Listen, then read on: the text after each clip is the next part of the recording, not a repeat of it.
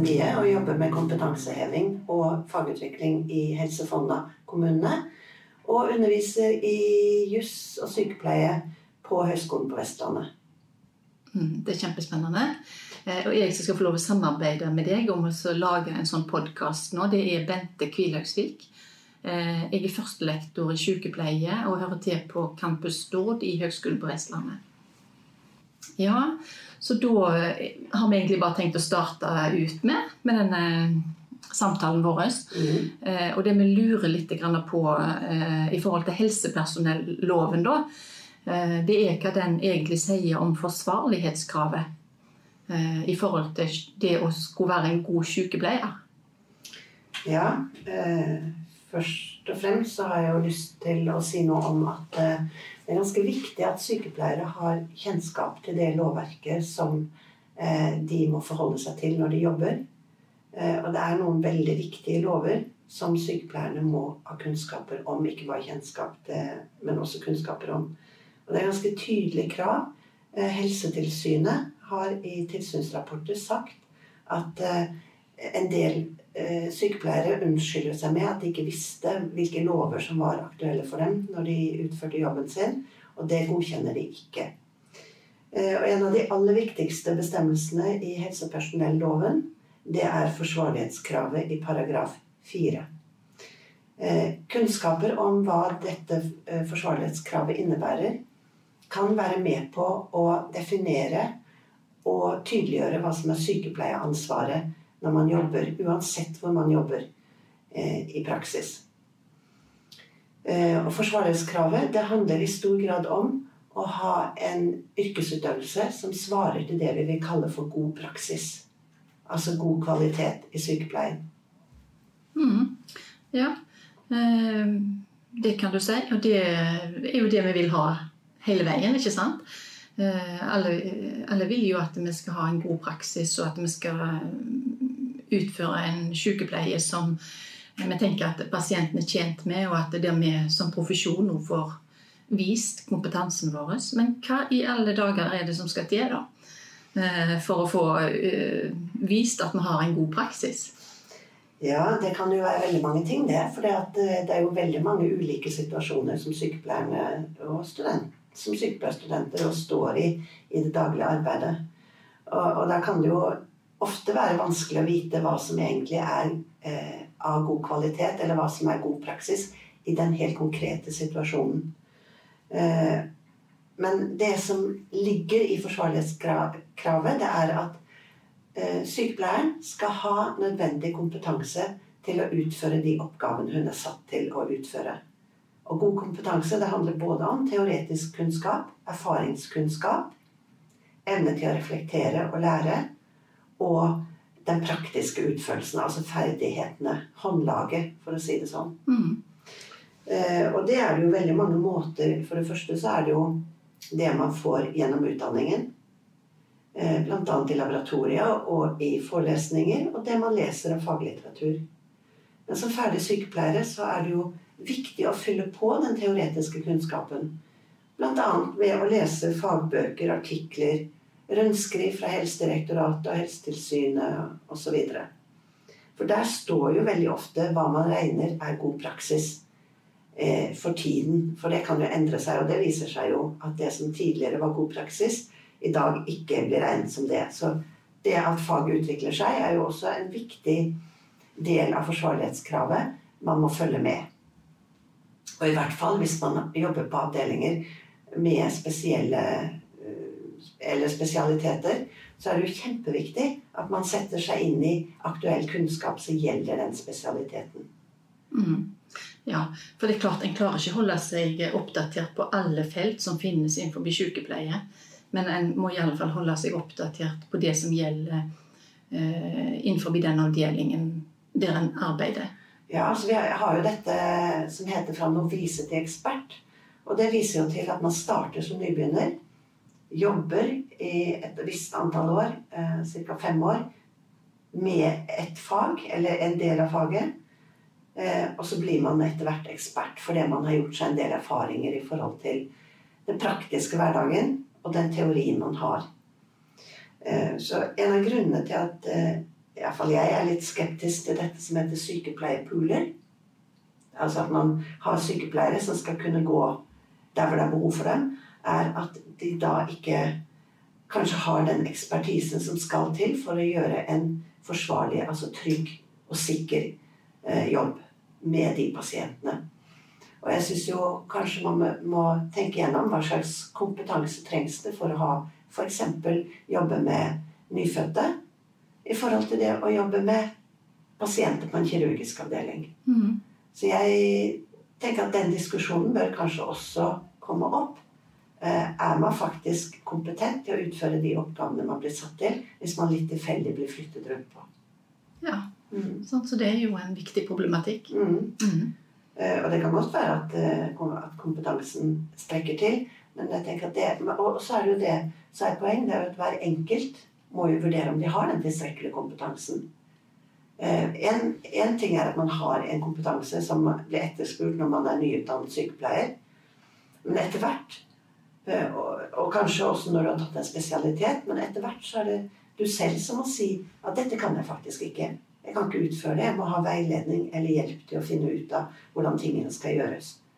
Eh, Og det er ikke noe flaut å si det, for det, det er ikke alltid at man kommer borti alt mulig, verken som student eller ferdig sykepleier. Mm. -hmm. Og spesielt når man bytter arbeidsplass, så er det viktig å si at eh, dette kan jeg ikke så veldig mye om ennå.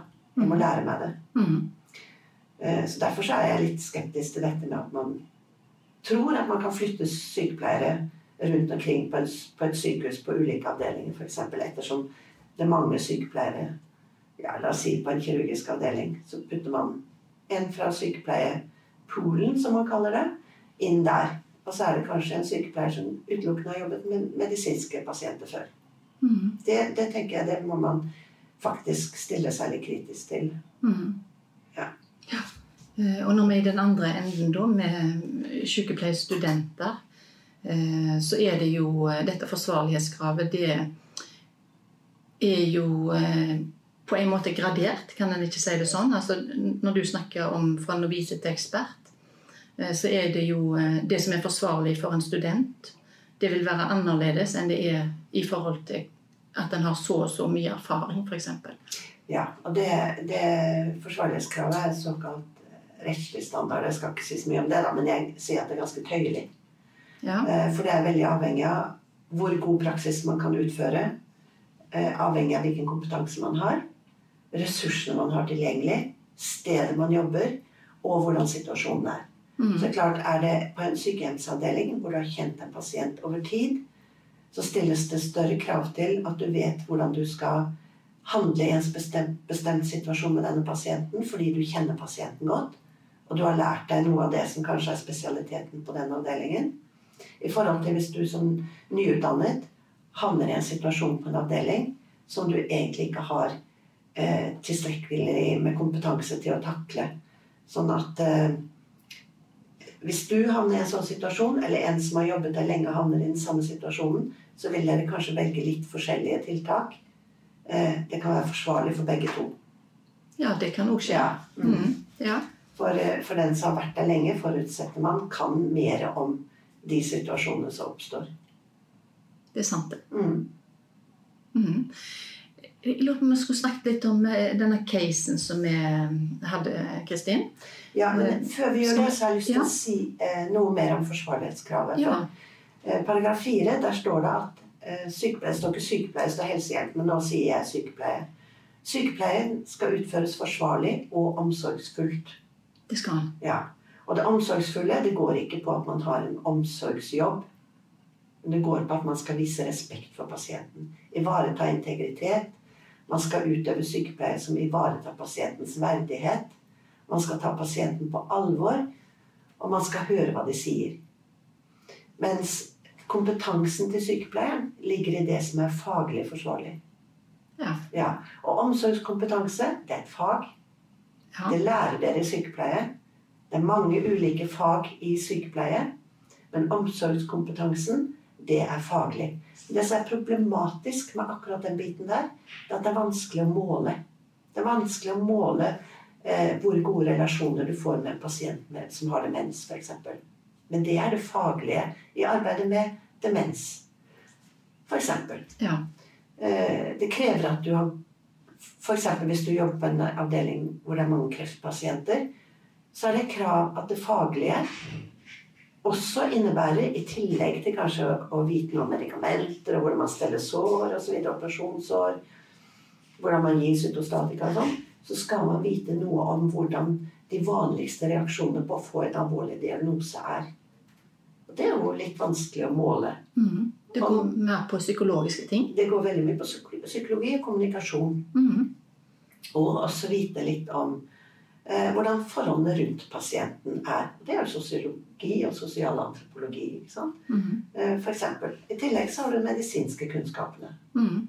Fysiologi, du har anatomi, fysiologi, patologi. Altså alle disse tingene her. Det er mye lettere å måle at du har kunnskaper om. Ikke sant?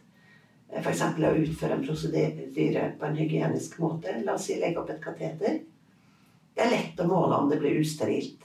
Mhm. Ikke sant?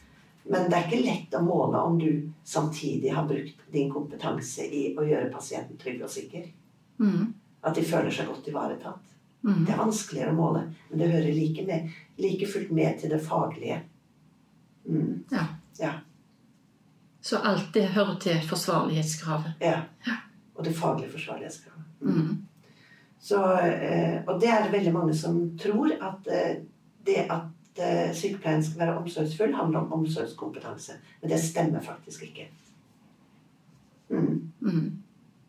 Jo, det stemmer det òg, da, til en viss grad. Men, men eh, for det, det å ivareta pasientens verdighet er jo en del av dette. ikke sant? Det er kanskje ikke så lett å skille alltid, men, men Det er integrerte kunnskaper, kan Ja. man si det sånn? det er jo det, og, og jeg tenker at det kanskje veldig ofte pasienten kan si noe om. Om de har opplevd sykepleien så god eller ikke. Ja. Jeg kan ha en formening om at jeg har gjort det på en riktig måte. Ja. det er pasientens opplevelse av situasjonen som egentlig sier noe om hvor god kvaliteten er. Og det er viktig, for det er i møte med pasienter at lovverket generelt trer i kraft. Ikke sant? Altså Forsvarlighetskravet trer i kraft når du har med pasienter å gjøre. Eh, Så eh, hvis dere f.eks. jobber i mottakelsen på sykehuset og får inn en gammel dame på 84 år Ja. som har fått en, en sklidd på glatta. Det er plutselig blitt, blitt is på gaten i Haugesund. Det er vi jo ikke så vant til, så da tråkker vi ut på fortauet og sklir og faller og brekker lårhalsen. Og den damen der f.eks. har vært Hun Jeg bor hjemme, har kanskje en hjertesvikt, men klarer seg fint. Og så havner hun i mottakelsen. Og, og da er jo spørsmålet Hva er god praksis i forhold til denne damen på 84 år? Mm. Hva er sykepleier sin, er sitt ansvarsområde? Hva er sykepleierens ansvarsområde da? Det kan man jo stille spørsmål om. Ja. Eh, og da eh, handler det jo om at man må kunne litt om lårhalsbrudd. Man må kunne litt om aldring. Man må kunne en del om kommunikasjon. Eh, og man må kunne mye om grunnleggende behov. Mm. Hvordan dekker vi grunnleggende behov hos denne damen på 84 år som har brukket lårhalsen? Som kanskje blir liggende på ryggen i tolv timer før det skjer noe. Mm. Mm. Så da må vi vite litt om risikofaktorer. Man må kunne litt om risiko. Og eh, det er jo noe av det viktige og sentrale i forsvarlighetskravet. er At man vurderer hvilken risiko pasienter utsettes for. Når de har opp, i en eller annen tilstand som oppstår, eller følge av en sykdom eller en skade. Så det er jo eh, kjempesentralt å gjøre en risikovurdering. Mhm. Og hva er risikoen med å være 84 år, ha en hjertesvikt, havne på ryggen i, sykehus uten, på, i sykehussengen uten å kunne bevege seg? Ja, Hva er det som kan skje da? Hva kan skje da, ja? Ja. Tror du du trenger noe å drikke? Meget mulig du trenger noe å drikke, ja. Ja. Og hvordan vil du få til det når hun, ikke kan, når hun har store smerter og ikke kan sette seg opp i sengen? ja. Mm. Og hvordan vil du gjøre pasienten trygg nok til å få kontakt med deg? Ja. Ja, Mm. Til å kunne stole på deg. til å stole på meg ja, og, og tro at jeg vil henne vel. Mm. Eh, når jeg har det travelt og har mange andre pasienter jeg skal se til, f.eks. Mm. Eh, og hva skjer hvis pasienten må på toalettet, og ingen eh, er der i øyeblikket som kan hjelpe henne? Det er vanskelig å få et bekken inn under pasienten. Det er ja, vanskelig. Hva gjør man da? Det kan være mange ting i forhold til grunnleggende behov. Veldig mange ting.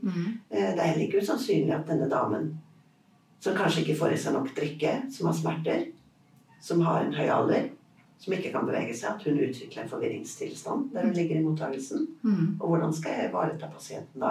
Mm. Sett nå at pasienten Det er vanskelig. Vi, vi klarer ikke å følge opp pasienten. Vi klarer ikke å gi henne bekken. Så øh, hvis hun øh, later vannet i sengen, da, så er jo det ganske upraktisk. Så det blir bestemt at man skal legge opp et kateter, f.eks. Et midlertidig kateter. Hvordan vil du takle det hvis denne gamle damen ikke vil ha det kateteret? Kanskje, Og så er hun forvirret, kanskje. Vet ikke sitt eget beste. Hvordan vil du takle det? Mm. Og når du legger opp kateteret kanskje med en som assisterer deg, og, og pasienten begynner å sparke dere vekk, eller dytte dere vekk, eller vri seg så godt hun kan med sine smerter, eh, og kateteret blir usterilt, hva gjør man da? Ja, hva gjør han da? Ja, Mhm. eh, ja hva gjør en? Eh, da lurer jeg litt igjen på Vi snakker snakka litt om do dokumentasjon. Det kan være veldig viktig, for hva skal man dokumentere? Ja. Mm. Um, og det Det er jo da eh, et spørsmål. For sykepleierdokumentasjonen er viktig for pleien og omsorgen. Eh, og det følger av at, at sykepleieren har plikt til å dokumentere, eller den som utøver sykepleien, da. Det kan også være andre yrkesgrupper, og det kan være studenter. Har i, i i henhold til eh, helsepersonellovens paragraf 39 og 40 plikt til å dokumentere det de holder på med. Eh, Men det, og det er veldig generelt, for det sier ikke noe om hva man skal dokumentere. Og i forhold til denne gamle damen, hva er det viktig å få med seg? I journalforskriften så står det at det skal være relevant og nødvendige opplysninger om pasienten i forhold til pleie og omsorg, f.eks. Og så bør man eh, prioritere hva som er viktig. Og da kommer vi tilbake til forsvarlighetskravet og en vurdering av risiko. ikke sant? Mhm. Hva er mest kritisk for denne gamle damen å dokumentere nå? Sånn at andre, når du går av vei, kan følge opp. Mhm. For det er et krav om at dokumentasjonen skal vise kontinuitet i pleien. Og Hvis en da er sykepleier, så har en lært om grunnleggende behov, og at en skal Mm. kartlegge i forhold til grunnleggende behov. Mhm. Eh, Er det da det en skal gjøre i mottagelsen? Ja, Er det det som skjer? Er det det en skal gjøre? det spørs jo da hva som er kritisk. Altså eksempel kan dette med væskebalanse være et kritisk punkt. Altså, man må observere om pasienten er dehydrert. Mm. Det er en risiko. Kanskje hvis hun er forvirret, så kan det være årsaken, rett og slett. At hun er dehydrert. Kan ligge for lenge uten at noen har sørget for å gi henne eh, noe å drikke. Ja. Eller nok drikke. Eh, og kanskje hun skal ha et intravenøst, men det er det jo legen som må ta stilling til. Mm. Men det kan han gjøre på bakgrunn av dine observasjoner. Ja, og på bakgrunn av eh, det du har kartlagt. Ja. Mm. En annen ting som er en opplagt risiko, som bør uh, følges med på, og som bør uh, synes i dokumentasjonen, det er jo risikoen for å utvikle trykksår. Denne damen blir liggende på ryggen mm. lenge. Hun har, er kanskje litt dehydrert. Uh, hun er immobil pga. sitt uh, lårhalsbrudd. Hva gjør man da? Hva skal man observere da? Og hva skal stå i dokumentasjonen? Og hva skal følges opp av de som kommer etter deg? Mhm. Mm. For det var jo også snakk om at det var krav til kontinuitet Ja. i dokumentasjonen og Mm. det å følge opp. Det er noe av det Helsetilsynet avdekker som mangler i, i sykepleierdokumentasjon eh, på forskjellige steder hvor det sykepleiere jobber. Det er at det er ikke noen kontinuitet i observasjoner og tiltak. Folk følger ikke opp. Og det er ganske alvorlig. Det kan igjen gå tilbake igjen til forsvarlighetskravet. Da utsetter man faktisk pasienter for risiko Mhm. når man ikke følger opp observasjoner og tiltak. Mhm. Mm. Eller det synes i hvert fall ikke at det er blitt gjort.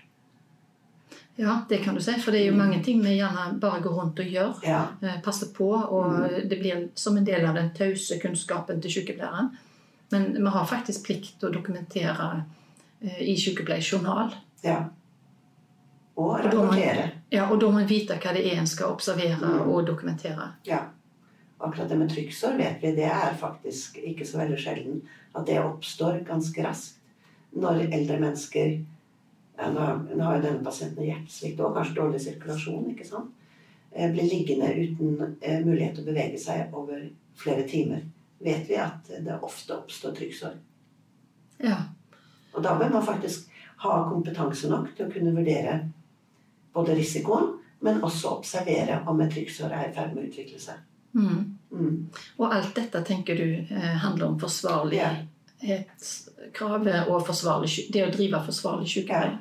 Mm. Alt. Og det å dokumentere er også en del av det å drive med forsvarlig sykepleie. Mm. Mm. Ja. Og det er bare to eksempler på hvordan man kan bruke lovverket for helt tydelig å definere hva er sykepleieoppgaver. Mm. Mm. Absolutt. Eh, Og så tenker jeg at eh, det skjer jo av og til ting eh, som ikke skal skje. Mm. Eh, det kan hende at kateter blir usterilt. Eh, det kan hende at en ikke har kontinuerlig eh, dokumentert i forhold til observasjon av utvikling av trykksår eller dehydrering eller andre ting. Eh, Ja. Og hva gjør en da? Da tenker jeg at det handler litt om avvik. Det kan handle om avvik. Det handler i hvert fall om å dokumentere. Ja. At, og, og ikke være redd for å innrømme at ting ikke gikk så bra. For det kan vi lære av. Det er punkt én. Punkt to. Vi kan gjøre noe for pasienten så de ikke utsettes for enda større risiko. Og det er klart, I situasjoner hvor man må legge opp et kateter, og det skjer et eller annet, og det kan bli usterilt, men så kan man vurdere hva er verst her? Å ikke få kateteret opp, eller å sette opp et kateter som er usterilt. Hva gjør jeg da? Da dokumenterer man det i hvert fall. Mhm. Og, og melder avvik. Mhm. Men jeg får få det dokumentert, og er jeg klar over det. Og i forhold til det så tar man f.eks. en urinprøve, eller man skifter kateter så snart det er mulig, eller et eller annet. Man legger en plan. Og den planen den skal avspeile seg i dokumentasjonen. Mhm. Og den skal følges opp. Og hvis man da ikke gjør det som er planlagt, så er det også et avvik. Ja. Eh, Og da skal det dokumenteres.